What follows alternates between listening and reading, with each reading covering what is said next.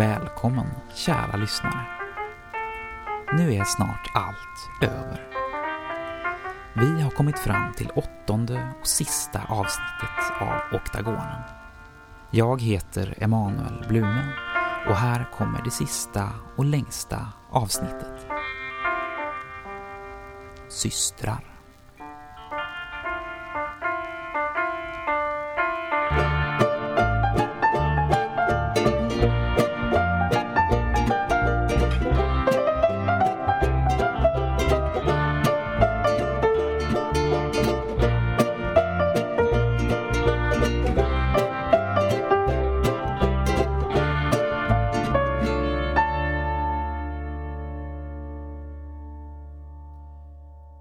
Jag drar kortet i kortläsaren och trycker två gånger på knappen för källaren.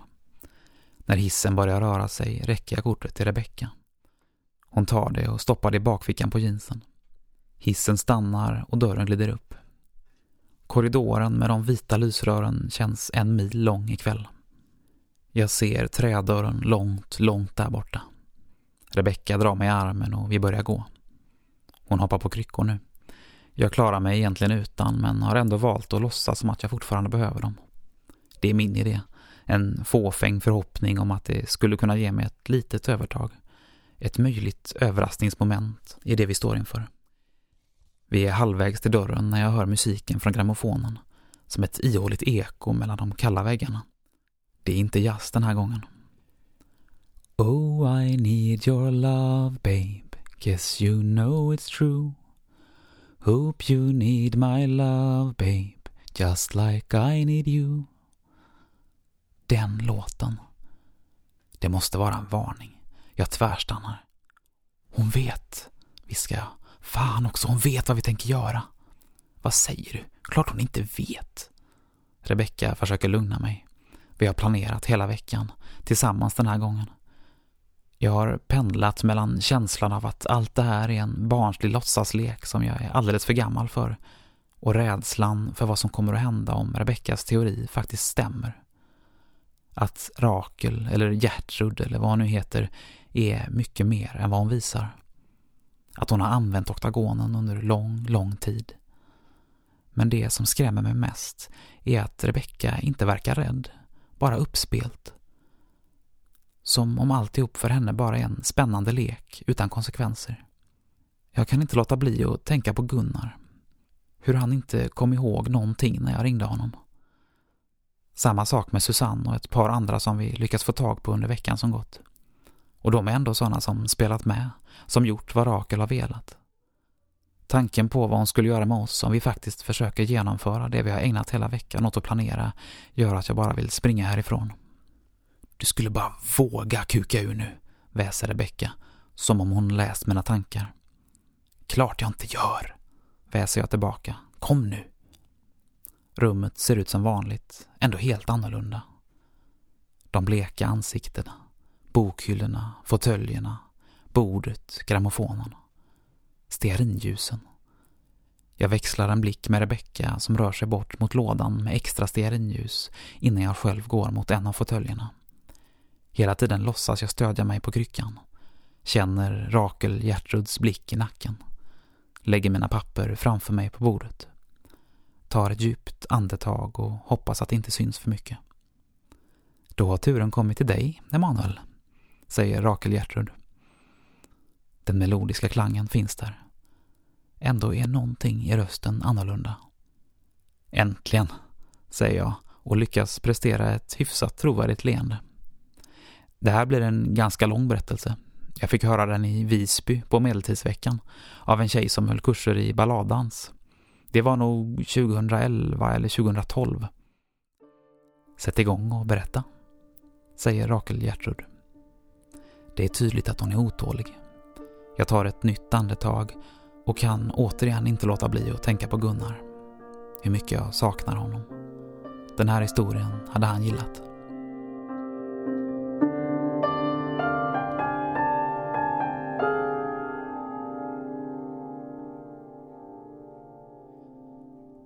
Sara slog sig ner i sätet just som tåget började rulla.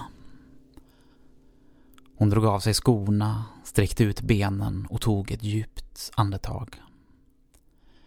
Utanför fönstret svepte Stockholm förbi, snabbare och snabbare, med kvällssolen smattrande mellan husen.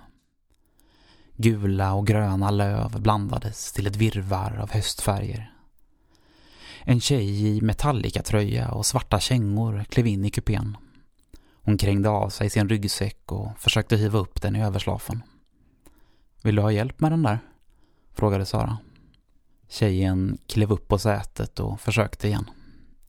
Skit i det då, tänkte Sara och kastade en blick på de smutsiga kängorna innan hon återgick till fönstret. Hon tänkte att hon måste slappna av. Sen hon fått jobbet på Swedesign Marketing hade hon levt på hämtsushi som hon ätit vid skrivbordet. Ständigt kissnödig eftersom hon var rädd att uppfattas som lat om någon såg henne ta en toapaus. Hon hade jobbat sent och däckat vid niotiden för att sen släpa sig upp halv sex för att vara i Sundbyberg vid sju. Men snart blir det bättre, intalade hon sig. Nästa helg hade hon inget inplanerat. Då skulle hon låsa in sig i lägenheten med en bag-in-box, Netflix och en stor burk Ben Jerrys. Laga en riktig middag. Kanske gå en lång promenad. Egentligen hade hon velat vara hemma den här helgen också och en del av henne ångrade att hon tackat ja till att komma på bröllopet. Men vad skulle hon ha sagt? Att hon hellre satt hemma och åt glass? Dessutom ville hon gå. Hon betraktade Silla som en nära vän, trots att de inte hade träffats på tre år. Det surrade till i hennes ficka. En av hennes nya kollegor undrade om hon ville följa med på after work. Hon blev sittande en stund och stirrade på meddelandet innan hon stängde av telefonen och tryckte ner den i väskan. Tvingade sig att ta ytterligare några djupa andetag. Hon jobbade inte nu. Utanför fönstret sjönk höstsolen som ett blodrött klot mot horisonten. Om några timmar skulle hon vara långt från Stockholm. Hon hade inte träffat Silla sedan sommaren 2009. De hade tagit examen vid Beckmans designhögskola efter att ha pluggat ihop i tre år. Redan första dagen på skolan hade Sara fått syn på henne. Hon hade suttit i skräddarställning på golvet i korridoren där resten av studenterna stått och väntat på att bli insläppta till kursintroduktionen. De hade hållit sig på tre fyra meters avstånd där hon suttit med sina mörka flätor, sin freestyle och sin knallrosa ryggsäck. Sara hade stått vid väggen och iakttagit henne i smyg. När sen kursledaren låste upp salen och Sara satt sig på en av de bakre raderna hade Silla frågat är det ledigt här? Och utan att vänta på svar slagit sig ner i stolen bredvid. Sen hade hon vänt upp och ner på den rosa ryggsäcken så att böcker, pennor och anteckningsblock farit ut över bordet. Sara hade försökt koncentrera sig på kursintroduktionen. Designhögskolan hade varit hennes dröm sedan gymnasiet. Ändå hade hennes blick dragits mer åt tjejen med flätorna än till lärarnas välkomsttal. Tjejen som, i motsats till Sara, hade verkat helt uppslukad av allt som sades. Efter introduktionen hade Silla dragit med Sara till ett café. Sara hade knappt märkt hur det hade gått till. Plötsligt hade de bara suttit där. Båda hade varit nya i Stockholm och läste på högskolan för första gången. Sara hade rest en del och jobbat några år i butik medan Silla precis fyllt 18 och flyttat från sin familj i en liten stad i Västerbotten. Hon ville lära sig allt om smycken och smyckesdesign och pratade oavbrutet om sina kilovis med smyckesböcker och om hur hon var fast besluten om att försörja sig som smyckesdesigner. Sara hade mest nickat och lyssnat. Tänkt att det fanns något hos Silla som hon gillade, trots att hon betedde sig som ett barn. Sen hade hon gått hem till sitt studentrum, utmattad och full av tankar. Det hade slagit henne att hon inte mindes så mycket av själva kursstarten. Silla var den mest passionerade människa hon någonsin hade träffat. Hon hade önskat att hon kände sig lika övertygad själv. Silla visade sig vara öppen och social, trots sin udda utstrålning, och hade egenskaper som inte slutade att fascinera Sara små detaljer, som att hon kunde hoppa rakt in i ett samtal mellan människor hon aldrig hade träffat utan att någon tyckte det var konstigt. Eller att hon verkade minnas allt Sara någonsin berättat för henne, även om det bara varit i förbifarten. Som person var hon Saras raka motsats. Sara hade alltid haft för vana att knyta an till personer som liknade henne själv. Ändå dröjde det bara någon vecka innan de umgicks i stort sett varje dag.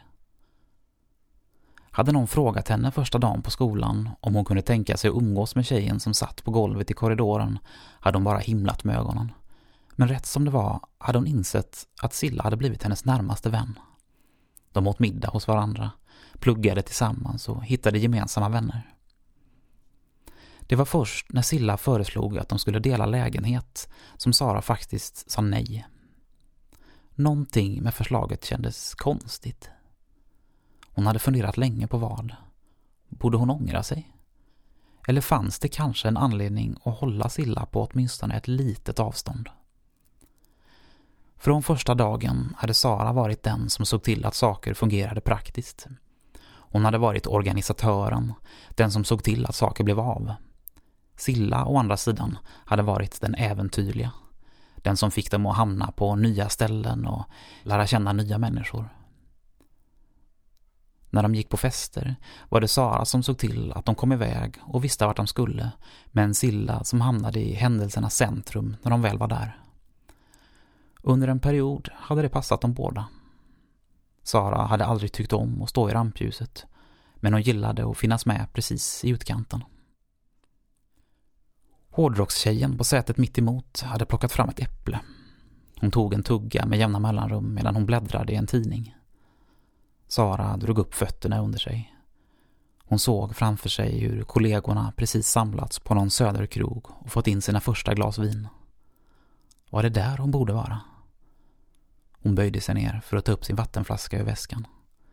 Den låg bredvid papperspåsen med de tre små gröna paketen, noggrant inslagna och hopbundna med ett rött presentsnöre. Sillas bröllopspresenter. Ett halsband, en ring och ett armband. De var designade av Rebecca Harper, en konstnär som varit gästlärare på designutbildningen. Hon hade dykt upp på skolan i slutet av andra årskursen och direkt blivit Sillas idol. En serie smycken som hon designat borde vara den perfekta bröllopsgåvan. Ändå fick de tre små gröna paketen det att knyta sig i magen på Sara. Rebecca Harper hade undervisat i smyckesdesign i naturmaterial framförallt ben och läder. Hon var i övre 50-årsåldern och hade flyttat från Portland till Stockholm i början av 80-talet. Hon hade valt Sverige, berättade hon, eftersom ben från skandinaviskt vilt var bland det bästa som gick att få tag på till smyckestillverkning. Sara hade tyckt illa om henne från första ögonblicket. Ändå hade hon tre år senare, efter att hon tackat ja till bröllopsinbjudan, letat upp Rebecca Harpers hemadress och ringt på dörrklockan. Det hade klickat till i låset och dörren hade glidit upp några centimeter, fasthållen i dörrkarmen av en kedja. Vem är det? hade en hes röst med amerikansk brytning frågat. Det är Sara Nilsson. Jag hade dig som lärare för tre år sedan. Jag undrar om jag kan få köpa ett smycke? Ingen reaktion. En söt doft hade letat sig ut genom dörrspringan. Det är en eh, bröllopspresent.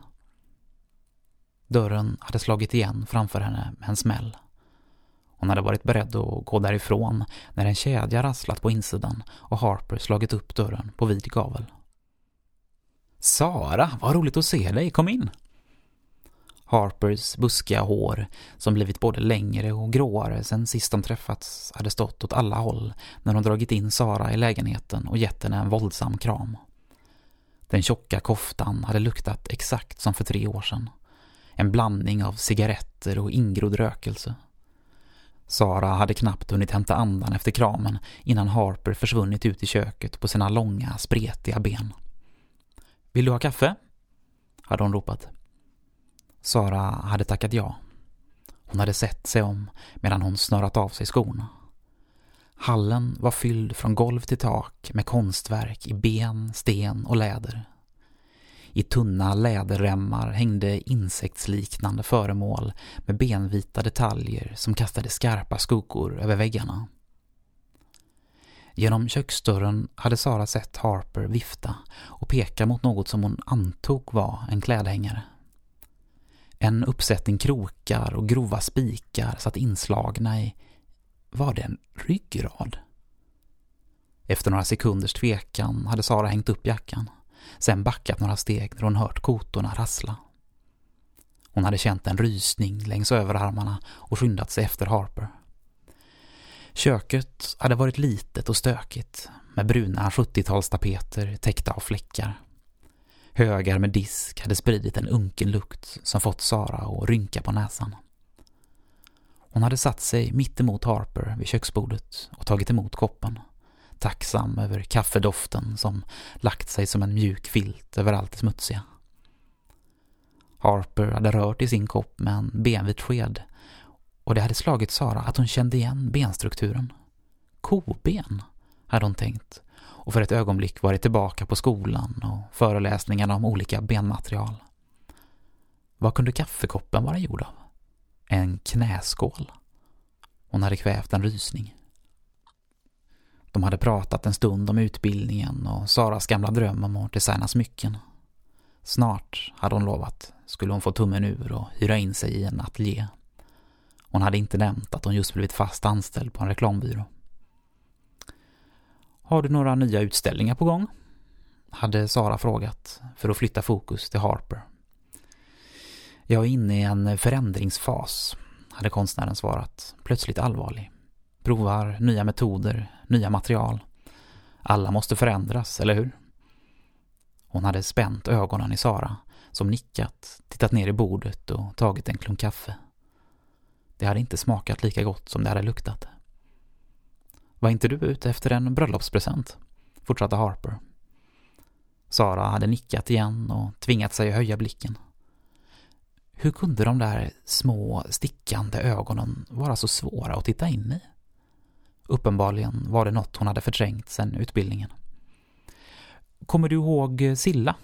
hade hon frågat. Vi pluggade ihop. Hon tyckte väldigt mycket om dina smycken. Det är hon som ska gifta sig. Konstnären hade gett ifrån sig ett plötsligt fnysande och sen fört kaffekoppen till munnen och druckit i djupa klunkar. Sara hade känt rysningar längs överarmarna. Det måste vara en knäskål, hade hon tänkt medan Harper torkat sig av munnen. Några svarta droppar hade försvunnit ner i den grågröna koftan. Stackars flicka, hade konstnären sagt. Det som händer, det händer. Men ändå, stackars flicka. Vem då? Silla? Kom, vi går ut i ateljén. Du kan låta koppen stå. Harper hade rest sig och gått ut i hallen. Hon hade liknat en stor fågel. En grånad kråka på långa, tunna ben. Sara hade fundat efter, förvirrad. Vad hade hon menat? Sara hade velat fråga, men när hon kommit ut i hallen hade Harper redan hunnit gå vidare. Lågan från ett tjockt stearinljus fladdrade inuti en bröstkorg som satt fastskruvad på väggen så att revbenen kastade breda skuggor över hallen. Sara hade känt hur fascinationen börjat övergå i ett allt starkare obehag. Var hade hon egentligen hamnat? Hon hade småsprungit bort till ateljén vars dörr stod öppen längst bort i hallen. Den påminde om ett arkivrum hon sett en gång på Naturhistoriska museet. En viloplats för tusentals benbitar, skallar och hela skelett. Uppradade på hyllor och arbetsbänkar fanns älgben, björnben och hundratals fiskben. Alla prydligt märkta med små klisterlappar. Ett bäverskelett stirrade med tomma ögonhålor från en av hyllorna. Harper hade dragit ut en låda ur arbetsbänken, fylld till bredden av broscher och örhängen som fick Saras hud att knottra sig. De såg ut som små bengroddar, kritvita utväxter som knoppat av sig från sina skelett och nu låg utspridda på den gröna sammetsduken, redo att slå rot. Sara hade rynkat pannan. Nej, jag vet, hade Harper sagt, stängt lådan och dragit ut en annan. Ett trettiotal halsband hade stirrat upp på Sara.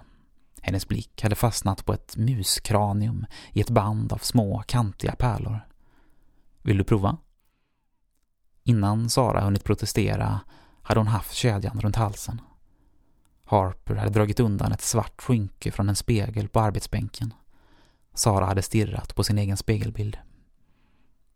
Vad är det för pärlor? hade hon frågat. Neck vertebrae.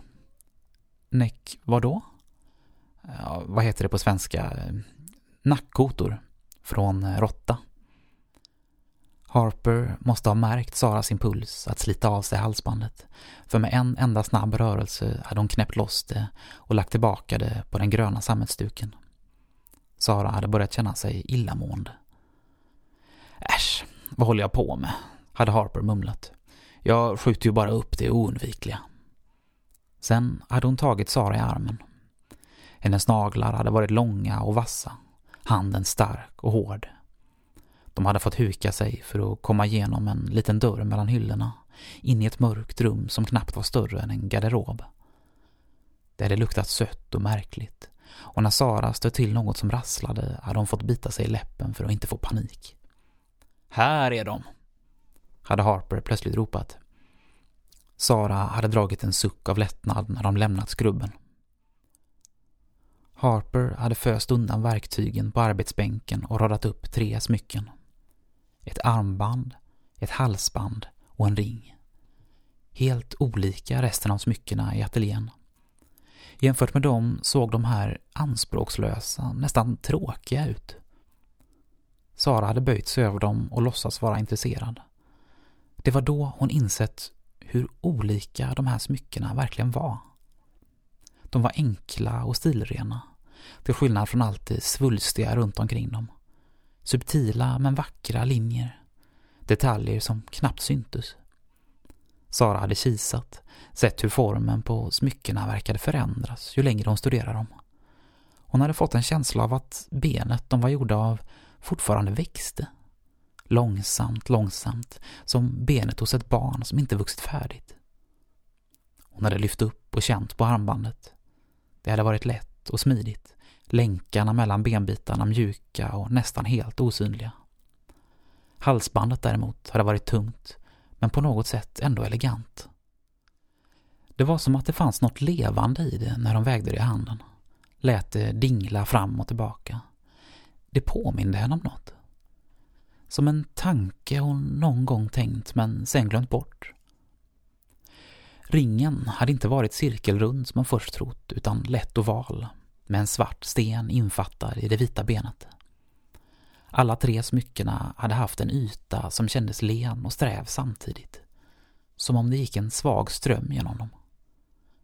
Det här är någonting helt annat, hade Sara tänkt. Mer elegant än allt det överdrivna omkring henne.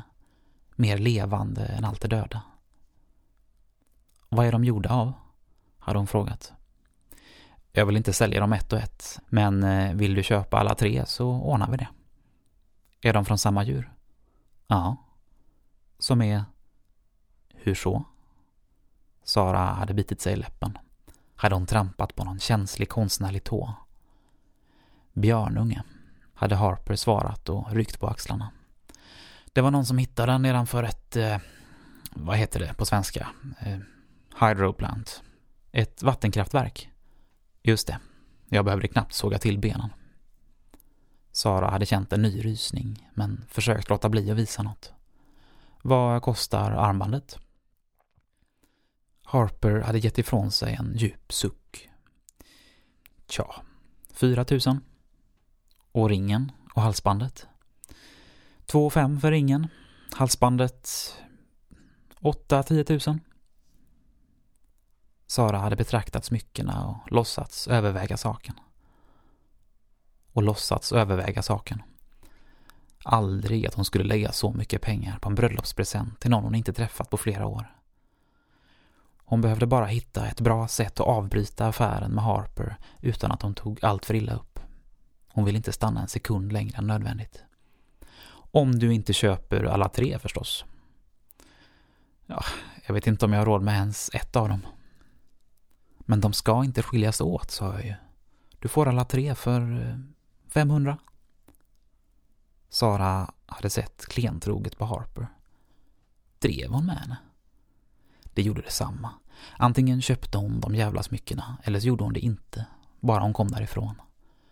Några sekunder senare hade hon dragit fram en 500-lapp ur plånboken. Harper hade sträckt fram handen men hejdat sig just som hon skulle ta emot sedeln. Hon hade fått ett helt nytt uttryck i de stickande små ögonen. Någon slags blandning av tvekan och förfäran. Sedan hade hon ryckt åt sig sedeln och stoppat den innanför koftan, varpå hon slagit ner blicken och mumlat något som Sara inte uppfattat. De hade gått tillbaka till hallen. När Sara fått syn på ytterdörren hade hennes hjärta tagit ett skutt. Äntligen var hon på väg härifrån. När hon böjt sig ner för att knyta skorna hade konstnären börjat rota i en byrålåda. Du ska inte ha något till dig själv också? Det hade varit något konstigt med Harpers röst. Hon hade låtit tagen och utmattad. Som om hon just gått igenom en stor ansträngning. Nej tack, det är bra. Ur byrålådan hade hon dragit fram ett avlångt, slätt föremål. Är du säker? Du kommer att behöva något efter det här. Sara hade låtsats att hon inte hade hört. Hennes händer skakade och hon fumlade med den sista knuten på skosnöret. Plötsligt hade Harper gett ifrån sig ett högt stönande. Sara hade tittat upp och insett att det avlånga föremålet var en enorm benvit dildo. Harper hade slutit ögonen och börjat gnida den mot brösten utanpå koftan. Sara hade struntat i det andra skosnöret och skyndat sig därifrån medan konstnären flåsat och mumlat något som låtit som stackars flicka. Det hade blivit mörkt utanför tågfönstret. I sätet mitt emot satt hårdrockstjejen och tecknade i ett skissblock. Sara hajade till när hon såg teckningen. Det såg ut som en brudklänning. Minnena av det som hänt i Harpers lägenhet började skingra sig medan hon satt och iakttog hur teckningen i skissblocket mer och mer tog formen av en mörkhårig brud. När hon smygtittat i några minuter harklade hon sig. Ska du på bröllop? Hårdrockstjejen la genast ärmen över skissblocket. Hur så? Silla Sjöstrands? Hon synade Sara en stund under den svarta luggen innan hon tog bort handen från skissblocket och fortsatte teckna. Silla Larsson kommer hon heta från och med nu. Det hade Sara inte ens tänkt på. Simon, Sillas blivande man, hette alltså Larsson. Det verkade konstigt att byta till ett så vanligt namn. Sjöstrand var väl inte heller helt unikt, men onekligen roligare än Larsson. Sara heter jag, sa hon och sträckte fram handen. Jag pluggade konst och design med Silla på Beckmans. Tjejen tog handen efter någon sekunds tvekan. Hennes handslag var slappt. Agnes. Trevligt. Hur känner du Silla? Vi gick i samma klass i gymnasiet. Tystnaden i kupén hade gjort Sara rastlös och gett henne ett starkt behov av att prata. Hon berättade i stora drag om tiden på Beckmans innan hon frågade Agnes hur Silla varit på gymnasiet. Agnes vek motvilligt ihop skissblocket och la ner det i väskan. Hon talade tyst och tittade mest ner på sina händer. Uppenbarligen uppskattade hon inte sällskapet. Ändå ville Sara inte släppa taget. Agnes var en av de där tjejerna som Sara aldrig skulle ha haft tillräckligt tålamod att lära känna om de gått i skolan tillsammans. En av de där som trots sina nitar, svarta jackor och hårdrockströjor alltid satt tysta längst bak i klassrummet. En av de där som Sara aldrig haft att göra med men heller aldrig tyckt illa om. Agnes ville verkligen inte prata vidare, men Sara gav sig inte. Till slut berättade hon att hon och Silla hade börjat gymnasiet samtidigt, hösten 2003. Det hade varit en liten klass och under ett grupparbete i svenska i mitten av terminen hade de börjat prata med varandra. Jag fattar inte varför först, sa Agnes. Jag brukar inte umgås med folk på det sättet. Det var som att hon valde ut mig. Sara nickade, vilket var jättekonstigt. De andra tjejerna i klassen var mycket mer sociala, mer som hon. Hon var fan otrolig på att prata. Sara nickade igen. Hon visste. Jag antar att vi kompletterade varandra, fortsatte Agnes. Hon var bra på att ta kontakt och umgås med folk, men jag var bra på andra saker. Som vad då? Agnes ryckte på axlarna så det klirrade i nitarna. Vanliga saker. Skolgrejer och sånt. Sara rätade på sig i sätet medan Agnes berättade. Hon kände hur tröttheten började rinna av henne samtidigt som nyfikenheten vaknade. Enligt Agnes hade Silla aldrig lyckats särskilt bra i skolan. Hon hade misslyckats på prov, tappat bort böcker och kommit för sent. Det var som att hon varit förföljd av ett slags ständig otur. Agnes berättade om hur hon hade börjat hjälpa henne, först i skolan, sen hemma hos henne inför prov och inlämningsuppgifter. Efter ett tag började jag hjälpa till med andra saker också, mumlade Agnes. Privata saker. Vad då för privata saker? undrade Sara. Agnes snurrade ett av sina nitarmband runt handleden medan hon tänkte. Alltså, jag vet inte hur schysst det är att prata om det. Hon ska ju gifta sig och allt. Och hon har säkert ändrat sig. Äh, det är ingen fara, skrattade Sara. Hon kan vara lite knepig, men vem kan inte det? Det var menat som ett skämt, men Agnes rörde inte en min. Jag måste på toa, sa hon och reste sig. Hon gled ut ur den trånga kupén och försvann. Sara iakttog henne i ögonvrån, fascinerad över att så mycket nitar och piercingar kunde ta så liten plats.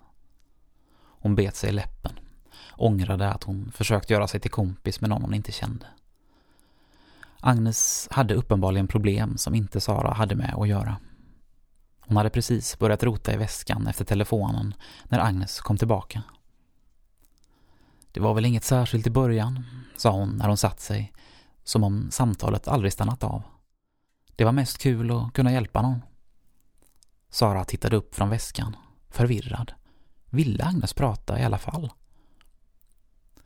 Vi var ju bra kompisar, fortsatte hon, så det var väl bra egentligen. Men jag fick känslan av att hon behövde mig snarare än att hon gillade mig. Sara rätade på sig i sätet igen. Agnes såg på henne med frågande blick, som om hon ville ha bekräftelse på att det var okej att fortsätta. Sara nickade, fortfarande förvirrad. Det blev så konstiga grejer efter ett tag, fortsatte Agnes. Eller, kanske inte så konstiga egentligen, men grejer som hon borde ha klarat själv. Jag gjorde matlådor åt henne. Såg till att hon hade rätt böcker på lektionerna. Ett tag bar jag hennes väskor. Okej. Okay. Sara hörde själv hur skeptisk hon lät. Agnes verkar inte lägga märke till det. Och varje kväll när jag skulle sova så tänkte jag att det inte stämde. Att det liksom var lite fel, att jag egentligen inte borde göra sådana saker åt henne. Men du gjorde det ändå. Då kändes det liksom naturligt. Som världens självklaraste grej. Nu efteråt känns det... Agnes försvann tillbaka ner i skissblocket. Sara försökte ta in det hon precis hört. Det här var en sida av Silla som hon aldrig sett. Eller? Plötsligt blev hon osäker. Silla hade velat ha hjälp på en del märkliga sätt när de först träffats. Men Sara hade varken orkat eller varit intresserad av att ta på sig den roll som Agnes verkade ha tagit. Åtminstone var hon ganska säker på att det hade varit så. Trots att det bara varit tre år sedan hade hon svårt att minnas. Det kunde ha funnits andra personer som tagit den rollen. Det slog henne att Silla alltid hade verkat hitta nya vänner men att de alltid försvunnit igen utan att Sara lagt märke till hur eller när. Hade hon varit den enda som Silla umgåtts med under en längre tid? Hade hon många vänner på gymnasiet? undrade Sara. Nej. Eller, alltså hon hade lätt att skaffa kompisar. Hon kunde börja prata med folk hon inte ens kände och så tyckte alla det hon sa var jätteintressant. Men de blev liksom aldrig vänner. Det var som att hon... Agnes blev tyst igen och såg på Sara med samma frågande blick som tidigare. Sara nickade men kände sig osäker på om hon egentligen ville höra mer.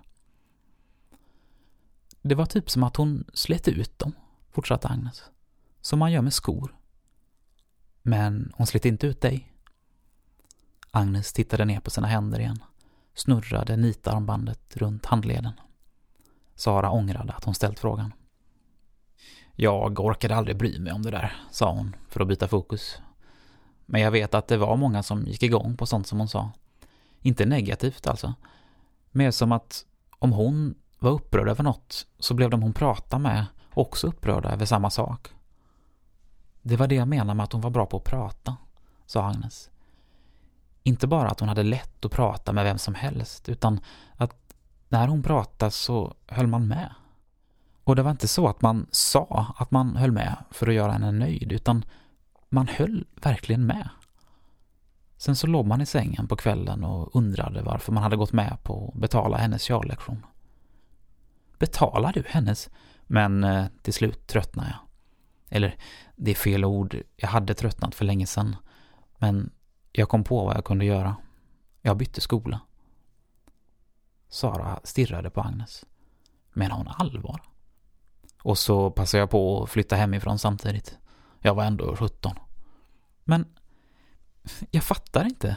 Varför sa du inte bara till henne? Att du tyckte det var jobbigt?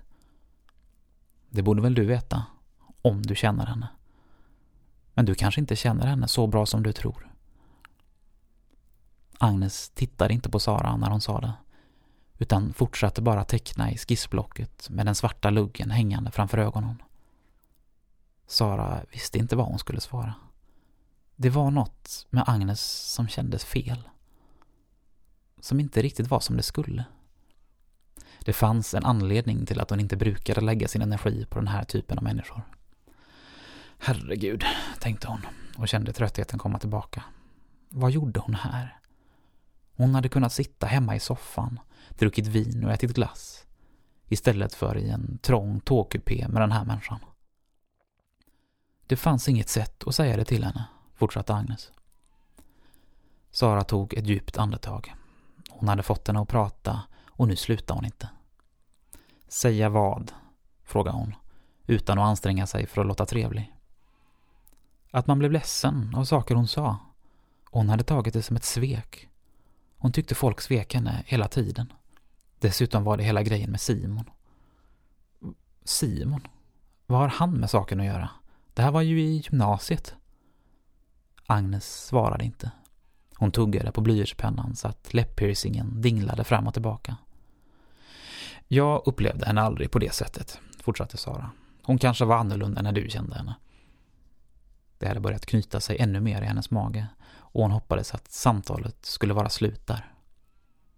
Allt kändes fel. Hon stirrade ut genom fönstret en stund innan hon bestämde sig för att hon var hungrig. Jag går till bistron. Agnes tittade upp. Är det okej okay om jag hänger på? Nej, tänkte Sara. Visst, sa hon. Tåget var tomt och tyst och i bistron fanns gott om lediga platser. Sara köpte en omelett medan Agnes värmde sin matlåda i en mikrovågsugn. De satte sig mitt emot varandra på de röda sofforna och började äta. Omeletten var helt okej, okay, nästan god. Agnes blåste på soppan i plastlådan. De satt några minuter utan att säga något innan Sara kände hur tystnaden på nytt blev tryckande. Hon suckade. Om de nu ändå satt här kunde de lika gärna prata. Silla verkar ha varit en helt annan person i gymnasiet, försökte hon. Agnes fortsatte blåsa på soppan. Det var svårt att avgöra om hon lyssnade. Vad var det du sa om Simon? fortsatte Sara. Agnes la ner skeden i matlådan. Alltså, förlåt. Jag brukar inte prata så här med folk. Särskilt inte folk som jag inte har träffat innan. Jag tror aldrig jag har gjort det förut. Jag fattar inte varför jag gör det nu. Hon skrattade till. Ett stelt skratt som inte alls lät roat. Sara tog en tugga av omeletten.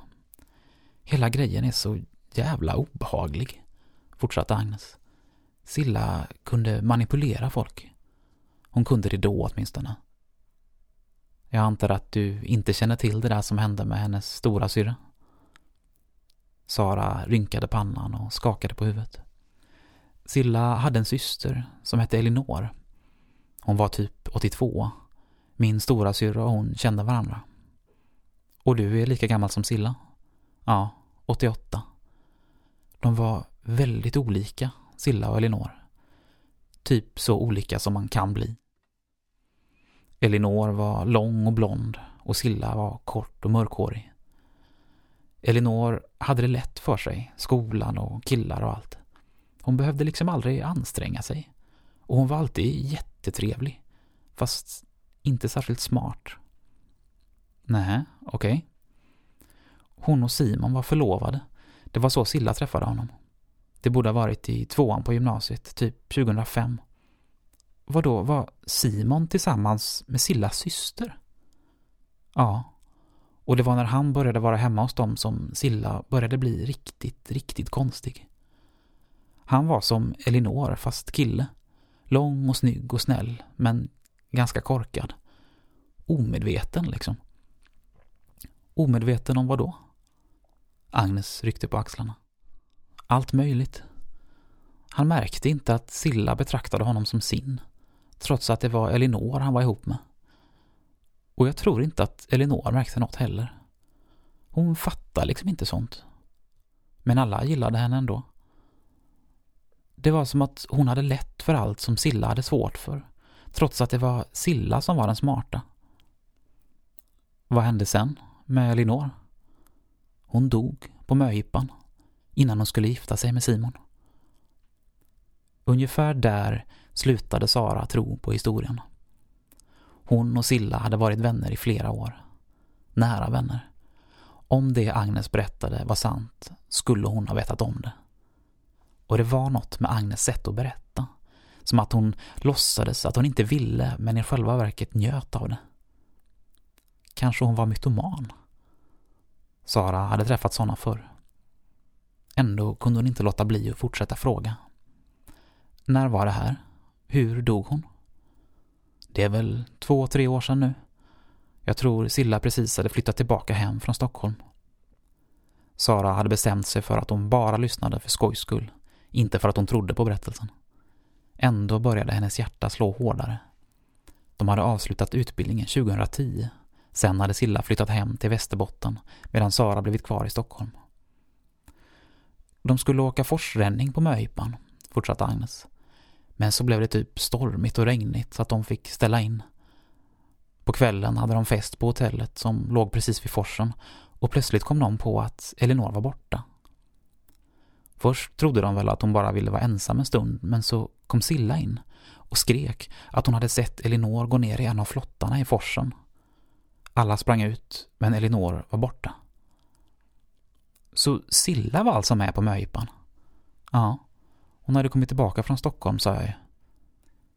Hur vet du det här? frågade Sara. Är det Silla som har berättat? Nej, jag har inte pratat med henne sedan jag bytte skola. Det är min syrra som har berättat. Hon var ju där, på möhippan. Ju mer Sara försökte reda ut tankarna, desto mer förvirrad blev hon. Om Agnes var mytoman, varför hade hon hittat på något sånt här? Sara försökte återkalla sin egen minnesbild av Silla, men upptäckte att hon hade förvandlats till en suddig skugga i hennes tankar. Om hon hade en syster, varför skulle hon ha dolt det för Sara? Och hur kunde Simon förlova sig med Silla om det Agnes berättat om Elinor stämde? Är de säkra på att hon verkligen dog? frågade hon. Polisen letade i flera dagar, men de hittade bara flotten. Det var skallgångskedjor och grejer, men hon var helt försvunnen. Hon blev väl dödförklarad efter några månader eller så. Tydligen hade hon varit jättefull när det hände. Och Simon? Ja, vad tror du? Silla la beslag på honom direkt. Tröstade honom och tog hand om honom. Det var som... Agnes såg plötsligt frånvarande ut. Sara stirrade på henne. Som... Det var som att det var första gången hon tog hand om någon. Det är konstigt. Hon gjorde sådana saker för Simon som jag hade gjort för henne i gymnasiet. Fast det här var på ett annat sätt förstås. Och sen förlovade de sig. Det behövde hon egentligen inte fråga, för det hade Silla själv berättat. Men till Sara hade hon sagt att hon träffat Simon först långt senare, när hon varit och hälsat på sina föräldrar. Agnes nickade och åt upp det sista av soppan. Sara såg ner på sin omelett. Vill du ha ett glas vin? frågade hon. Agnes skakade på huvudet. Säkert. Tack, men Jag kan bli rätt jobbig när jag dricker. Jag ska nog gå och göra mig i ordning. När Agnes försvunnit köpte Sara ett glas rött vin som hon drack i långsamma klunkar. Genast kände hon hur det började susa i huvudet. Hon mindes dagen då hon träffat Silla för första gången. Mindes tjejen som suttit på golvet i korridoren där alla andra stått. Tjejen hon trodde att hon kände. I ett enda svep drack hon ur vinglaset och lämnade bistron. Hon hade knappt hunnit dra täcket över sig i kupén innan osammanhängande bilder började flimra på insidan av hennes ögonlock. En Silla i 16-årsåldern. Korpsvart hår. Långt, mycket längre än hon någonsin sett. Någon som bar hennes böcker, gjorde hennes läxor. Var det Agnes? Var det Sara? Ett hostande skratt. En haschrökande konstnär, naken, insvept i långt, spretigt grått hår. Tre små gröna paket i ett snöre. Hon vaknade med ett ryck. Kupén var ljus och utanför fönstret virvlade en färgsprakande massa av gult och rött mot en grå bakgrund. Hon blinkade några gånger innan hon satte sig upp. En obehaglig tanke slog henne och hon började rota efter mobiltelefonen för att se vad klockan var. Hon är halv tio, sa en röst från andra sidan kupén. Sara tittade upp. Först kände hon inte igen den som pratade. Sen gick det långsamt upp för henne att det var Agnes, klädd i helt vanliga kläder. Den svarta jackan, nitarna och hälften av piercingarna var borta. Men vi skulle ju vara framme kvart i åtta, sa Sara med grötig röst. Jo, tåget är tre timmar försenat. Sara kastade av sig filten och satte sig upp. Men det börjar ju elva. Ta det lugnt, vi hinner. Jag har beställt en taxi. Klockan var halv elva när tåget stannade vid stationen. Duggregnet föll från en jämngrå himmel mot en tom perrong. Hösten hade kommit betydligt längre här och löven låg i drivor över asfalten. Utanför stationshuset stod en taxi. När föraren fick syn på dem la han undan sin tidning och startade motorn. Klockan hade hunnit bli fyra minuter i elva när de klev ur bilen på kyrkans parkering. De är på väg in, ropade Agnes. Finklädda människor höll på att tåga in i kyrkan. Sara, som bytt kläder och sminkat sig i taxin, sprang efter Agnes på vingliga klackar och med rullväskan slirande i gruset. Kyrkan var liten och byggd i trä helt olik de massiva vita stenkyrkor som hon vuxit upp med. Blomsterarrangemang prydde trappan till kyrkporten och en man i kostym och stora glasögon tog ett steg åt sidan och de kom springande upp för kyrktrappan. Vi hann, viskade Sara. Agnes verkade inte höra henne. Kyrkan var dunkel och inredd med kala vita bänkar som skiftade färg i ljuset från mosaikfönstren. Var skulle de sitta? Det fanns gott om platser. Gästerna var mycket färre än Sara föreställt sig. Hennes hjärta tog ett skutt när hon fick syn på två kurskamrater från Beckmans, Anders och Karin. Orgelmusiken brakade igång medan Sara trängde sig fram. Hon kramade om Anders som satt närmast och vinkade åt Karin. Nu kommer de, viskade Anders. Han hade höjt sin mobiltelefon, redo att föreviga ögonblicket. Dörrarna slogs upp.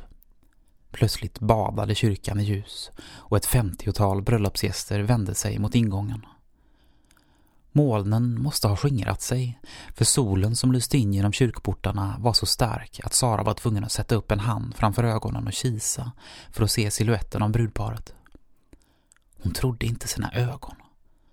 Var det där verkligen Silla? Som en vitklädd ängel, lång och glittrande kom hon gående bredvid brudgumman. De höga klackarna slog emot kyrkgolvet under brudklänningen när de skred fram längs gången. Under en brudkrona i guld svallade hennes långa hår, blonderat och uppsatt i ett rött guldband. Sara stirrade. Bredvid satt Anders och gapade. Han höll fortfarande i mobiltelefonen men hade helt glömt bort att fotografera. Ju längre in i kyrkan brudparet kom, desto bättre kunde Sara se deras ansikten. Sillas leende var milt och bländande, som taget ur en tandkrämsreklam. Jag har kommit fel, tänkte Sara. Det här är inte hon. Det här är någon annan. Simon såg ut som en filmstjärna i sin svarta frack men bleknade vid sidan av bruden. Kamerablixtrar började smattra och rätt som det var mötte Sara Sillas blick. Brudens leende sprack upp ännu mer och hon höjde handen i en vinkning. Sara vinkade tafatt tillbaka. Hon ser ut som en drottning, tänkte hon och kände ett tilltagande pirrande i magen. En blandning av upphetsning och något som skulle kunna vara ett styng av avundsjuka. Vigselceremonin var som en teaterföreställning. Simon låtsades ha glömt ringarna för att sedan trolla fram dem ur Sillas öra till skratt och applåder från bröllopsgästerna. Skratten gick över i suckar och snyftningar när prästen förklarade brudparet man och hustru varpå Simon svepte ner Silla i en tangopås och gav henne en kyss som kunde kommit direkt ur en Hollywoodfilm. Trots att allt var så överdrivet kunde Sara inte hålla tillbaka sina tårar. Solen som letade sig in genom kyrkans mosaikfönster kastade ett lekfullt ljus över brudparet medan ceremonin avslutades. Utanför på kyrkbacken samlades folk i klungor. Släktingar grät och försökte komma åt och krama om både bruden och den ständigt flinande brudgumman. Sara blev stående på trappan där hon betraktade folkmassan. Hon fick en känsla av att hon, Karin och Anders var de enda av Sillas vänner som kommit. Och så Agnes då. Hon är helt otrolig, viskade Karin. Bara kolla på henne! Kön till brudparet växte. Silla kramade kusiner, tog emot lyckönskningar och torkade tårarna på rödgråtna tanter. Sara stod en bit ifrån och stirrade. Hon hade aldrig sett Silla så här. Tjejen i brudklänningen var så långt ifrån den Silla hon mindes. Och ännu längre ifrån den konstiga människa Agnes berättat om. Tågresan kändes plötsligt som en suddig och obehaglig dröm. De förut så regntunga molnen hade gett efter helt för höstsolen som nu blänkte både i guldkronan och i Sillas guldgula hår. Hon ser ut som en drottning, fortsatte Karin. Den jäveln. Men kom då, sa Anders. Tänkte ni stå kvar här eller? Han drog de båda andra nerför kyrktrappan och in i klungan av släktingar. Silla fick syn på dem direkt. Sara! ropade hon. Anders och Karin! Där är ni ju! Den rösten, tänkte Sara medan Silla sprang emot dem med utslagna armar. Vad hon hade saknat den rösten. Ett ögonblick senare höll hon på att drunkna i blont hår och vitt tyg när Silla slog armarna om henne. Jag är så glad att du är här, sa hon med gråten i halsen. Att du kom hela vägen hit för min skull. Det är klart jag gjorde, svarade Sara och kände hur det började stocka sig bakom ögonen. Du, du är den vackraste brud jag har sett. Silla torkade en tår och gav Sara en kyss på kinden innan Karin la beslag på henne och snurrade runt henne i en piruett. Silla skrek och skrattade om vartannat och Sara tog några steg tillbaka. För ett ögonblick fick hon syn på Agnes. Hon stod på kyrktrappan men visade inga tecken på att vilja gratulera brudparet. En tanke slog Sara. Vad gjorde Agnes egentligen här? Om hon nu tyckte så illa om Silla, varför hade hon rest hela vägen för att gå på hennes bröllop? Ett högt tutande bröt igenom sålet och en kolsvart limousin svängde in på parkeringen. Silla och Simon fick bråttom, klev in i baksätet och vinkade. Sara han får en skymt av champagneglas och rosor innan dörren slog igen och bilen rullade därifrån. Kaos uppstod när alla gästerna skulle packa in sig i bilar och följa efter. Sara fick följa med Karin och Anders i Karins Toyota och efter 20 minuter stannade de utanför en stor timmerbyggnad på toppen av en kulle.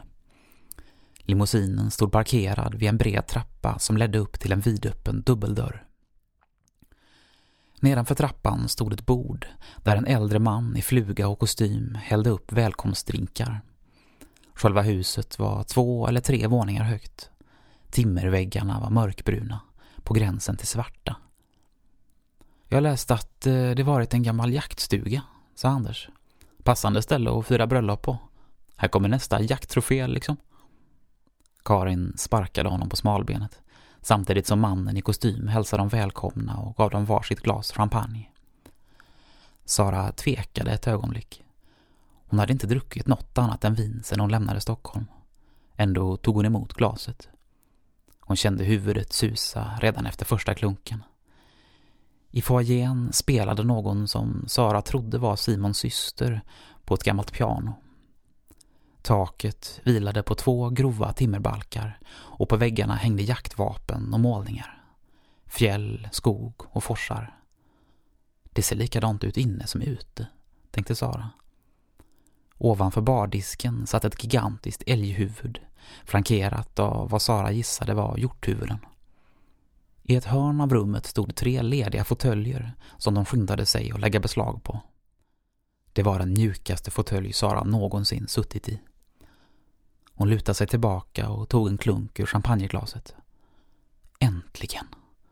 Hon kände sig lugn och upprymd på samma gång. Agnes hade hon glömt bort. När resten av gästerna anlänt klingade mannen i kostym i glaset och hälsade alla välkomna. Av dialekten att döma var han pappa till Simon. Sara såg sig omkring och kvävde en gäspning medan han radade upp anekdoter om Simons barndom och tonår. Det var då hon fick syn på Agnes, sittande på golvet med armarna om knäna, till hälften gömd bakom en bokhylla. Ingen annan verkade lägga märke till henne. En kvinna från köket kom fram och viskade något i örat på Simons pappa, som slog ihop handflatorna och förkunnade att det var dags att gå upp i festsalen. Sara gled med sällskapet uppför trappan. Salen var enorm, med höga fönster där kvällssolen strålade in och fick porslinet att glittra på de långa borden med vita dukar som stod uppställda i prydliga rader. På väggarna hängde fler tavlor, fler jaktvapen och fler djurhuvuden. Vad fan är det där? viskade Anders och pekade. Ett lurvigt huvud med öppet gap satt uppspikat över en av dörrarna. Gapet kryllade av små oregelbundna tänder. Sara tittade upp och försökte känna igen djuret utan att lyckas. Det där är en järv, sa en gråhårig kvinna i rutig blus. Ett av våra fyra stora rovdjur. Vilka är de andra? frågade Anders. Vet ni inte det? sa kvinnan och skrattade. Det är varg, lo, järv och älg. Älg är väl inget rovdjur, sa Karin. Kvinnan såg förvirrad ut och skulle precis säga någonting när Simons pappa klingade på nytt i glaset och bad om gästernas uppmärksamhet. Han visade på ett bord vid fönsterväggen där blommor och gratulationskort låg i långa rader och uppmanade gästerna att lägga dit sina presenter för att sedan ta plats vid borden. Sara skyndade sig att placera ut de tre små paketen innan hon slog sig ner mellan Karin och Anders. De satt precis under den gapande järven och hade perfekt utsikt över resten av rummet. Med ryggen mot de höga fönstren stod brudstolen, upphöjd och täckt av blomsterkransar. Bredvid den stod brudgummens stol, också den upphöjd och dekorerad, men mycket mindre än brudstolen. Det är ingen tvekan om vem av dem det är som gifte sig, viskade Anders. Karin himlade med ögonen. Ovanför de båda stolarna hängde ett stort uppstoppat björnhuvud på en svart träplatta precis under taket. Små svarta ögon glimmade djupt inne i det bruna ansiktet. Munnen var halvöppen och blottade de kraftiga kindtänderna. Sara kunde inte låta bli att undra vad grejen var med alla djurhuvuden. En svag och lite obehaglig minnesbild blinkade förbi, men försvann innan hon hunnit få grepp om den. Nu kommer de, viskade Karin och ryckte henne i armen. Gästerna applåderade och drog sig åt sidorna när brudparet kom in i rummet. Silla höll huvudet högt när hon gick fram till brudstolen medan Simon följde efter och höll upp det långa släpet på brudklänningen. När de satt sig lyste solen upp dem bakifrån genom de stora fönstren. Jag ändrar mig, viskade Karin. Hon ser inte ut som en drottning. Hon ser ut som en fucking gudinna. Sara sa ingenting. Under åren på högskolan hade det varit underförstått att hon varit den attraktiva av dem. Silla hade varit den sociala, men inte den snygga. Det hade inte varit helt oviktigt för Sara. Nu gick det inte att ta ögonen från henne. Kanske kände Sara en liten, liten bitterhet ändå. Simons pappa klingade i glaset en tredje gång. Karin viskade något till Anders och båda fnissade. Sara uppfattade inte vad som var roligt och kände hur hon började bli irriterad. Brudparet log under hela talet som i princip var en upprepning av det han redan berättat i foajén. Bröllopsgästerna snyftade och skrattade på samma ställen. Som om de glömt att de redan hört alltihop en gång förut. Efter att ha avslutat talet för andra gången tillkännagav Simons pappa att det var dags för förrätten som kördes in i rummet på två stora köksvagnar. Sara drog in doften och i samma ögonblick började magen skrika av hunger. En röra på renskav och svamp serverat på surdegsbröd. Jävlar vad hungrig hon var. Hon armbågade sig fram till den närmsta vagnen, valde ut den portion som såg störst ut och skyndade tillbaka till sin plats vid bordet. Talare reste sig i tur och ordning och delade med sig av anekdoter som inte alla var särskilt lustiga. Sara försökte lyssna men tappade snabbt intresset. Hon kunde inte låta bli att tycka att det som berättades kändes platt. Människorna ointressanta. Så gott som allt handlade om Simon. För ett ögonblick fick Sara syn på Agnes på andra sidan rummet. Hon hade precis fyllt sitt glas med det sista ur en vinflaska. Satt hon ensam? Dofterna från huvudrätten letade sig ut från köket och Sara kände suget i magen på nytt. Renskavsmackan som hon ätit upp på mindre än en minut hade bara gjort henne hungrigare. På en projektorduk visade några vänner till Simon en film från svensexan. Hade inte Silla någon möhippa? frågade Anders. Karin skakade på huvudet. Vi var några som försökte, svarade hon, men Silla fick reda på det och vägrade. Återigen slogs dörrarna till festsalen upp. Huvudrätten rullades in på ännu större vagnar än förrätten. Laxöring på stora fat, täckt med pesto och fetaost, följt av såser, sallader och stora skålar med klyftpotatis. När Sara var framme och fyllde sin tallrik fick hon ögonkontakt med Silla. Hon log men försvann i vimlet innan Sara hann säga något. Det var så mycket hon skulle vilja veta, vilja fråga. Men först skulle hon äta. Hon vinglade tillbaka till bordet med sin överfulla tallrik. Fisken var fantastisk. Vinet något helt annat än det sura rödvin hon druckit på tåget. Hon började känna sig allt mer avslappnad. Skålade för Silla med Anders och Karin. Maten försvann från tallrikarna och de tomma vinflaskorna ersattes med nya. Det blev mer klingande i glasen, fler anekdoter, fler applåder. Till och med Simon höll ett tafatt tal, påhejat av vännerna från svensexan. Sara lade märke till att han stammade. Hon kunde inte låta bli att brista i skratt när han försökte dra ett skämt men berättade i fel ordning så att poängen gick förlorad. Han var ganska charmig ändå. Säkert en bra kille för Silla. Mitt i skrattet hajade hon till. Förväntades det av henne att hon skulle säga något? Troligen inte. Men hon ville säga något. Tillföra något. Sorlet i festsalen blev allt högre när efterrätten rullades in. Istället för bröllopstårta serverades pannacotta, smultron och en söt vinsås. Sara slöt ögonen när hon förde den första skeden till munnen. Hon hade inte trott att hon skulle få ner en bit till efter fisken men kunde inte minnas senaste gången hon ätit något så gott. Mitt i efterrätten föreslog Karin att de skulle framföra en sång de sjungit ihop med Silla på en studentfest för flera år sedan. Det är klart vi ska göra, svarade Sara. Ska vi fråga om hon vill vara med? Karin reste sig, knuffade sig bort i honnörsbordet och kom tillbaka med Silla snubblande efter i den långa brudklänningen. Simons pappa klingade i sitt glas och Karin tog ton. Det var en studentvisa de tränat in trestämmigt till en maskeradsittning i slutet av andra läsåret med en text som Sara aldrig trott att de skulle våga framföra för någon annan publik än berusade studenter. Nu fick de både gapskratt och rungande applåder. Sara kände värmen bubbla upp i maggropen och fylla henne inifrån och ut. Fan vad hon hade saknat Silla. Karin och Anders också, men särskilt Silla. Hon längtade så efter att få prata med henne, inte bara vinka mellan borden. På väg tillbaka till sin plats kände Sara hur kissnödig hon var. Hon ursäktade sig, trängde sig förbi en rad stolar och letade upp en toalett i hallen. Medan hon tvättade händerna kom hon att tänka på Agnes.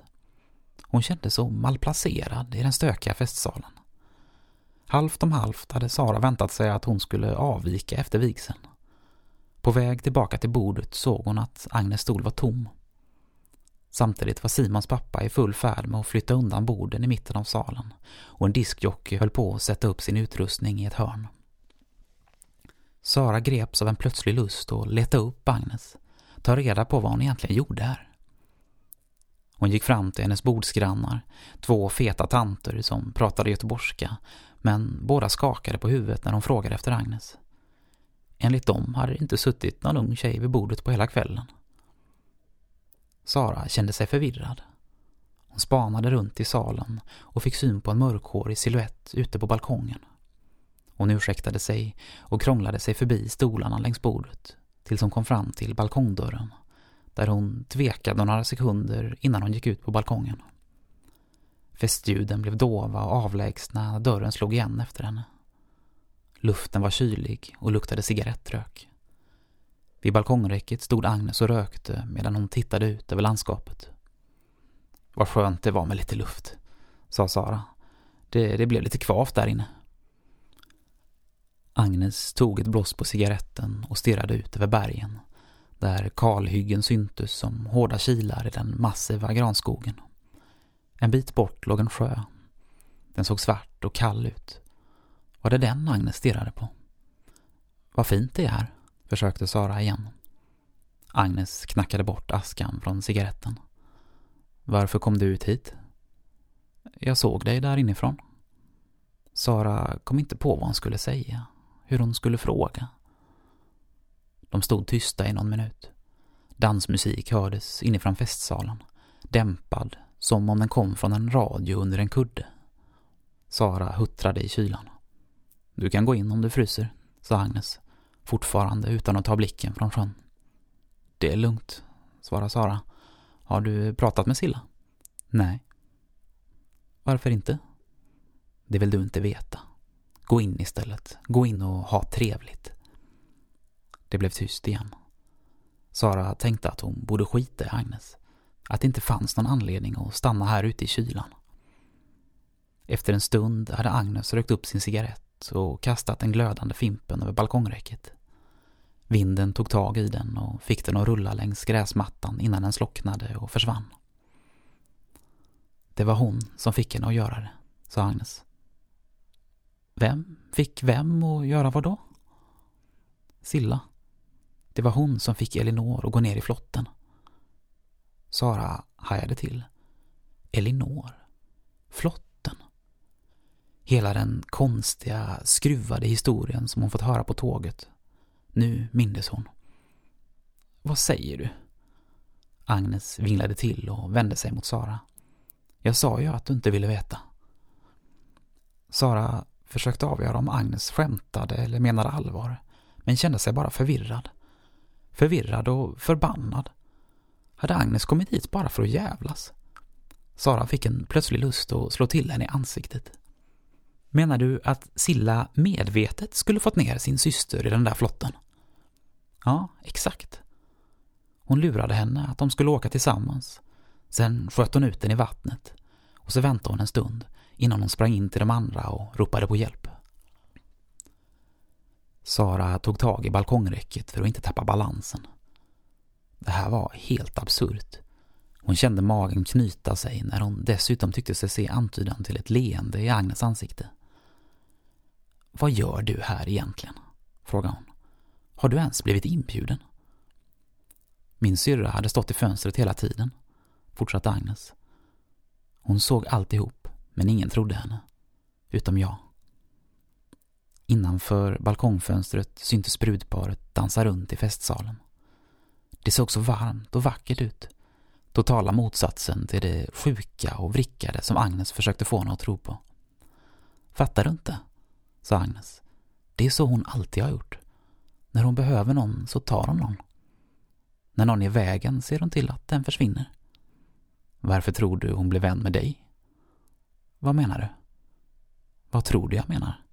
Hon behövde någon och det råkade bli du. Du var hennes vän, men hon var aldrig din. Hon fick dig att tro att ni var vänner, men egentligen hatar du henne. Erkänn att du hatar henne. Musiken hade tystnat. Något höll på att hända där inne. Vet du vad? frågade Sara. Vad då? Du är helt jävla sjuk i huvudet. Jag fattar inte vad du gör här. Sara vände på klacken och gick därifrån. Kände hur hon kokade av ilska. Utan att se sig om smällde hon igen balkongdörren efter sig och kände värmen inne i festsalen. Det var som att kasta av sig en kall och blöt jacka. Runt omkring henne stod människor som skrattade och log. Log på riktigt. Sa trevliga saker. Sara försökte låta sig svepas in i värmen och skratten. Försökte skaka av sig det hon hört på balkongen. Hon såg hur gästerna höll på att samlas i en halvcirkel runt brudparet och ställde sig på tå för att se vad som hände. Simons pappa sprang fram och tillbaka mellan presentbordet och brudstolen. Antalet presenter på bordet hade minskat. Hon kunde inte se de små gröna paketen. Sara, är de från dig? ropade plötsligt Silla. Är de äkta? Rebecca Harper-smycken? För ett ögonblick tyckte Sara sig känna den söta men unkna doften från Harpers lägenhet. Bara som en dunst, sen var den borta. Halvcirkeln av bröllopsgäster öppnade sig och hon kunde se att Silla precis öppnat det första gröna paketet. Sara formade munnen till ett ja visst, men fick bara fram en harkling. Hon hade fått syn på järvhuvudet ovanför brudstolen. Hade det inte suttit ett björnhuvud där förut? Det stirrade mot henne med sina ojämna tänder i ett glädjelöst grin. Åh, den är fantastisk! Ropade Silla och satte på sig ringen. Du är ju världens bästa vän. Sara gjorde en ansats och kastade en slängkyss men förmådde inte fullborda rörelsen. Det var något med ringen. Något som kändes konstigt. Det där kritvita benet, hur det liksom slöt sig om Sillas finger. Sara röst till. Nästa paket innehöll halsbandet. Ett sus gick genom salen när Simon hjälpte Silla och knäppade i nacken. Och nya applåder bröt ut när hon sköt fram bysten så att benbitarna skallrade. Halvcirkeln av bröllopsgäster trängde ihop sig på nytt och skymde sikten för Sara. Men hon hade hunnit se halsbandet. Hur det fyllt ut Sillas urringning. Lagt sig på plats. Som att det varit på väg dit hela tiden. Längtat dit. Ända sedan Harper plockat fram det ur lådan. Kanske ända sedan hon tillverkat det. Kanske ännu tidigare. Vad var det egentligen för ben? Kunde björnungar verkligen fastna i vattenkraftverk? Järvhuvudet fortsatte grina. För ett ögonblick tyckte Sara att det rörde sig. Det var som att det pratade. Sara trodde inte sina ögon.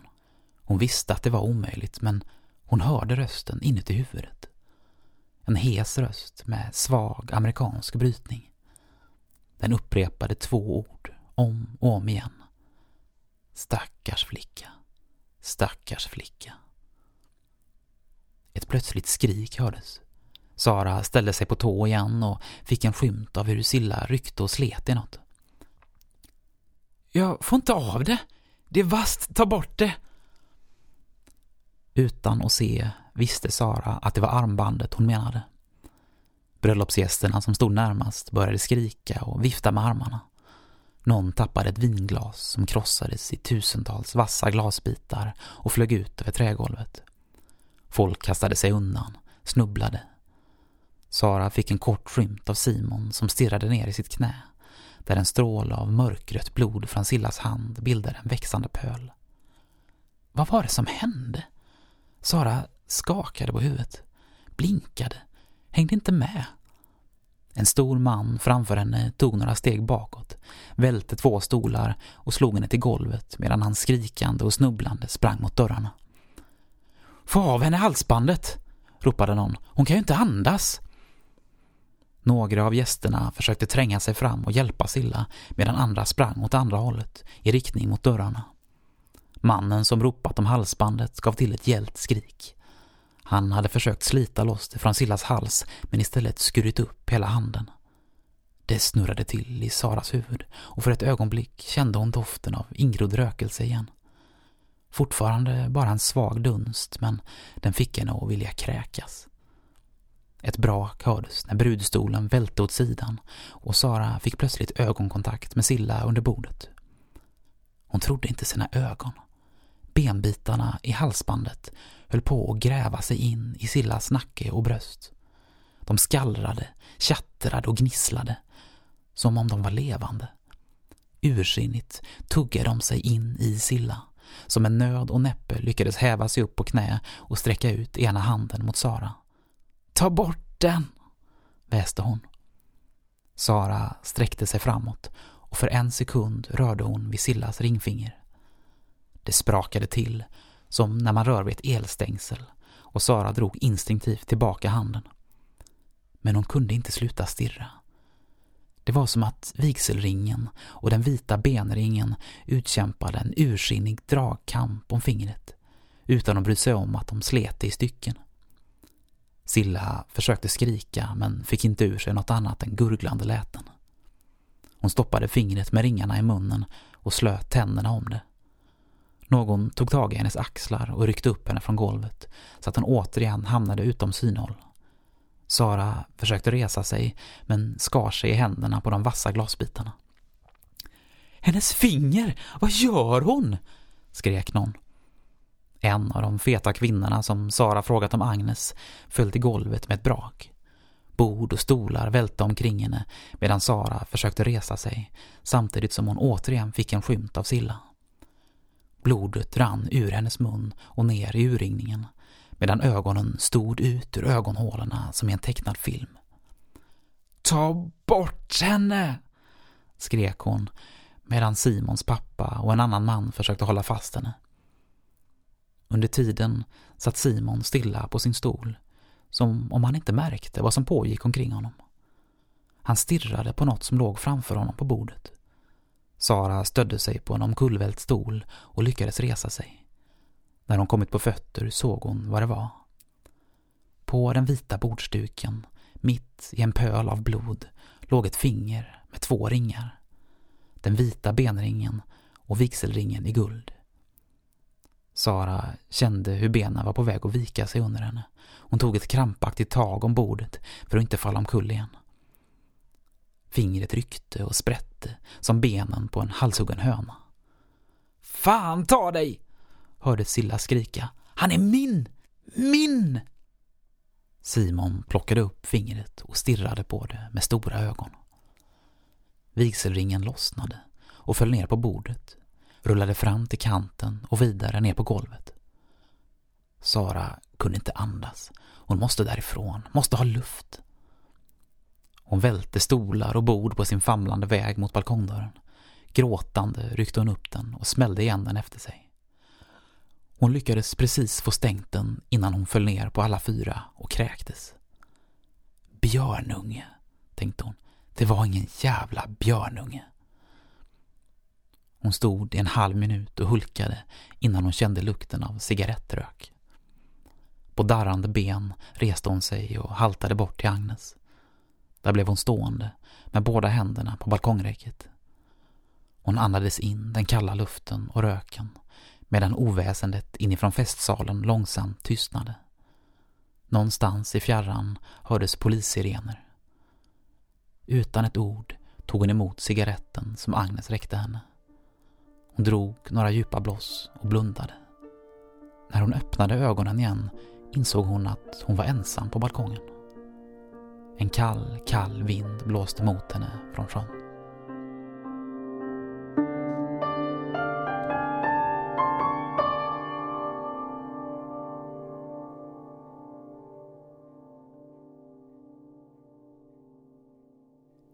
Det är tystare än vanligt när jag berättat färdigt. Jag är torr som ett sandpapper i munnen. När jag ser mig omkring efter ett glas vatten noterar jag att mannen med mustaschen har somnat i sin fåtölj. Vi sitter i ljuset från en skrivbordslampa eftersom stearinljusen brann ut ungefär tre fjärdedelar in i berättelsen och lådan med extra ljus visade sig vara tom. Vilket naturligtvis berodde på att Rebecka tömt den. Folk sträcker på sig och gäspar. Mustaschmannens kompis väcker honom och rummet töms relativt fort. Jag sneglar på klockan. Fem minuter i två. I ögonvrån ser jag hur Rebecka lämnar rummet och stänger dörren efter sig, vilket innebär att den är låst. En liten del av mig vill resa sig och gå, precis som de andra, men den största delen inte bara tvingar mig att sitta kvar utan vill också sitta kvar. Fåtöljen känns faktiskt ovanligt bekväm just ikväll. Jag tittar upp på Rakel Gertrud framför mig. Hon skriver i sin bok. Det slår mig att hennes handstil, även om den är svårläslig, faktiskt är vacker. Precis som hennes ansikte. Tack, Emanuel, säger hon när hon lagt ifrån sig pennan. Tack själv, säger jag. Hon tittar mig i ögonen. Jag tänker att jag borde tycka att det känns lite ansträngt, lite awkward, som Rebecca skulle ha sagt. Men det gör det inte. Tvärtom. Jag kan inte ta ögonen ifrån henne. När hennes ansikte spricker upp i ett leende kan jag inte låta bli att dra efter andan. Jävlar vad snygg hon är. Med en graciös, svepande rörelse lägger hon händerna framför sig på bordet med handflatorna uppåt som om hon ville att jag skulle lägga mina händer i hennes. En berättelse är alltid en investering, säger hon. Den som berättar lägger ner tid och kraft på att förbereda sig, känna efter, tänka ut och fantisera. Den som lyssnar måste ge av sin tid och kraft för att ta till sig berättelsen. Hon lyfter händerna precis innan jag hunnit fatta dem. Jag hade inte ens märkt att jag varit på väg att göra det. Ändå fortsätter vi att berätta, fortsätter hon. Fortsätter att hitta på. Fortsätter att lyssna. Varför gör vi det om det nu kräver så mycket tid och kraft? Jag tänker att jag borde komma på något smart svar, men kan inte koncentrera mig. De vackra linjerna i hennes ansikte, ljudet av hennes röst, doften av hennes parfym. Allt får det att snurra i huvudet på mig. För att en berättelse ger mer än vad den tar, viskar hon. Hon slår ihop sina fingertoppar, alla utom tummarna. Jag finner mig själv göra samma sak. Åtta fingrar, säger hon. Kontakten hud mot hud. Allt som kan sägas bara genom att nudda någons fingertoppar. Hon särar på fingrarna igen och vänder händerna framåt, mot mig. Jag gör samma sak. Stirrar på hennes fingrar. Vill så gärna röra vid dem. Hennes händer är de vackraste jag har sett. Jag stirrar och stirrar. Undrar vad de kan göra, hur de känns, om de är varma. Åtta fingrar, säger hon. Åtta dagar. Hon sträcker ut händerna mot mig. Jag vill, vill så gärna röra vid dem. Jag vill mer än någonting jag någonsin velat i hela mitt liv. Du får, säger hon. Jag sträcker ut mina fingertoppar mot hennes. Ser avståndet minska mellan dem. Mitt hjärta slår som det aldrig tidigare slagit. Jag känner berättelsen jag nyss berättat rinna genom mig, få liv. Mina fingrar vibrerar, känns glödheta, som fyllda med någonting jag inte visste att jag hade inom mig. Någonting jag vill ge bort och som jag vet att Rakel vill ha. När ljuset släcks är det som att få en hink med iskallt vatten kastad i ansiktet. Jag hajar till. Vaknar. Inser. Klockan är två, strömmen har brutits precis enligt planen. På en sekund är jag tillbaka igen, äcklad över det jag varit på väg att göra.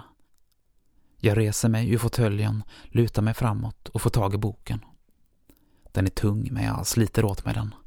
Rakel Gertrud skriker någonting som jag inte uppfattar. Benet protesterar när jag börjar springa i riktning mot vad jag hoppas är dörren. Jag hör de ilskna ropen bakom mig, känner ilningen genom ryggraden när jag inser hur arg hon är. Smärtan i benet försvinner och för några ögonblick är det som att jag flyger. Som en superhjälte på väg från mörkret till ljuset, ända tills dörren tar emot. Smärtan i knät, avlägsen, oviktig. Jag faller omkull med boken hårt tryckt mot bröstet. Kom tillbaka! Låter det som att Rakel skriker i mörkret. Skrapet av en stol som skjuts ut, klampet av skor mot golv. Jag lyckas resa mig, famlar med händerna i motsatt riktning som ljudet kommer ifrån. Hittar handtaget, rycker. Låst naturligtvis. Hör det oregelbundna klampandet och svärandet bakom mig. Hittar låsvredet under handtaget, vrider om. Rycker i dörren, känner hur den öppnar sig. En liten, svag rektangel av ljus långt där borta. Hissen. Jag ska just börja springa när jag känner hur någon får tag om mitt hår. Jag skriker till. Stanna!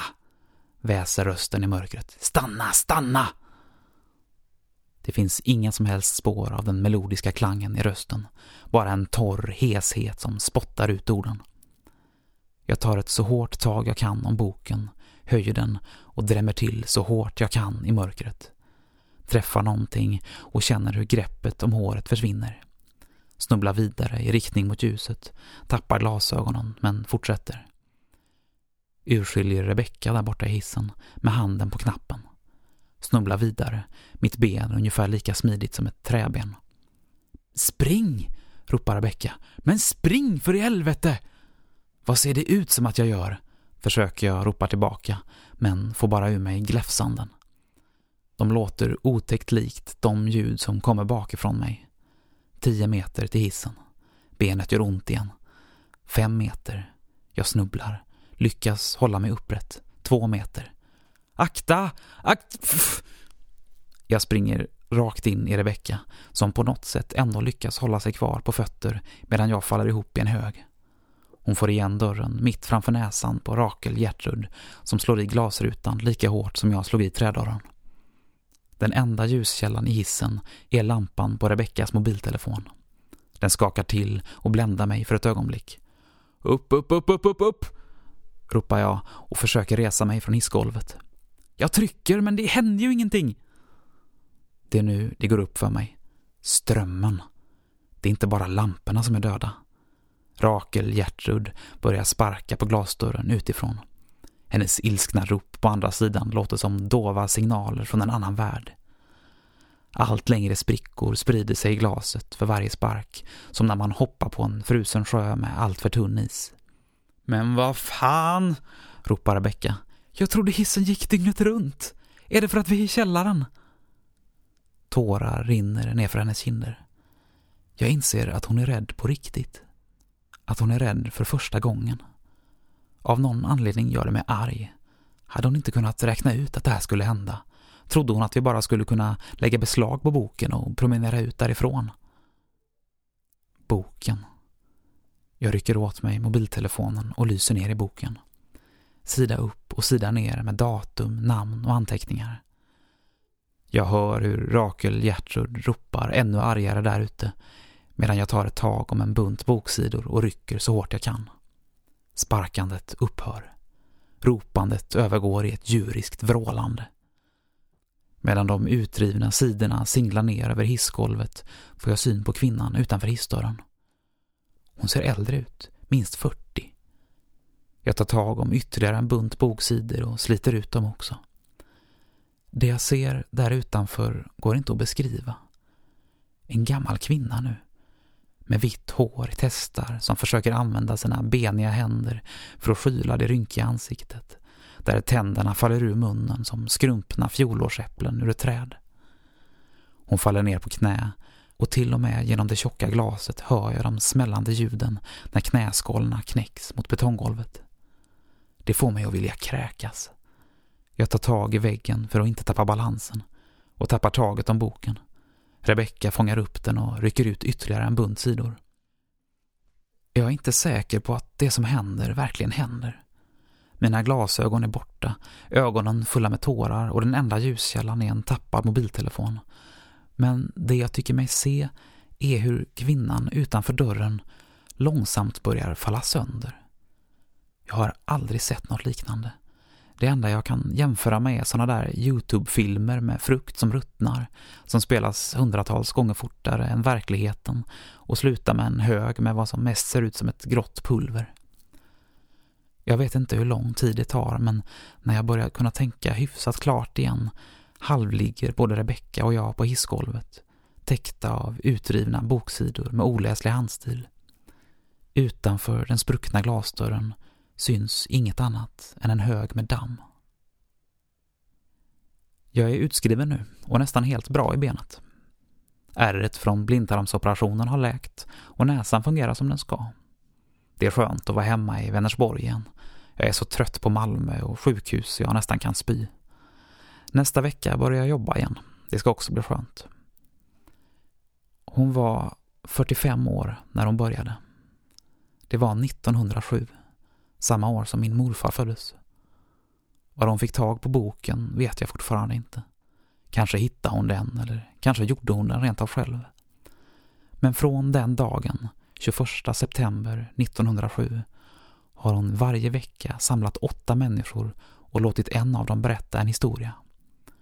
Hon verkar ha varit helt besatt av talet åtta. Kanske var det en del av den metod hon använde. Så mycket har jag inte lyckats lista ut än men varje vecka stal hon en berättelse och åtta dagar. En berättelse som berättaren sen glömde och åtta dagar som ingen saknade men som gjorde henne en dag yngre för varje vecka som gick. Om jag har räknat rätt var hon alltså 29 när vi la oss i. Rebecka har hört av sig några gånger. Det verkar som att hon snart också får åka hem. Jag frågade henne om hon ville ha boken, men hon vägrade. Först visste jag inte riktigt vad jag skulle göra av den. Men eftersom det finns nästan hundra oskrivna sidor kvar så tänker jag att, ja, en extra anteckningsbok kan man ju alltid ha nytta av.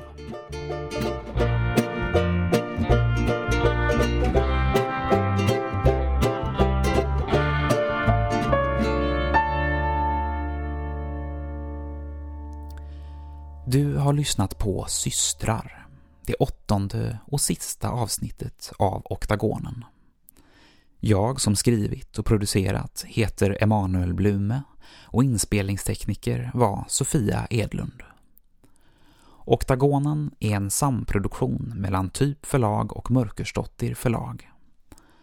Nästa vecka handlar det inte om någonting, för nu är följetongen slut. Om du vill läsa mer av mig så kan du leta upp min bok Nomadplaneten som är en science fiction-roman. Eller behålla den här podcasten så låter jag dig veta när något nytt är på gång. Vi hörs då.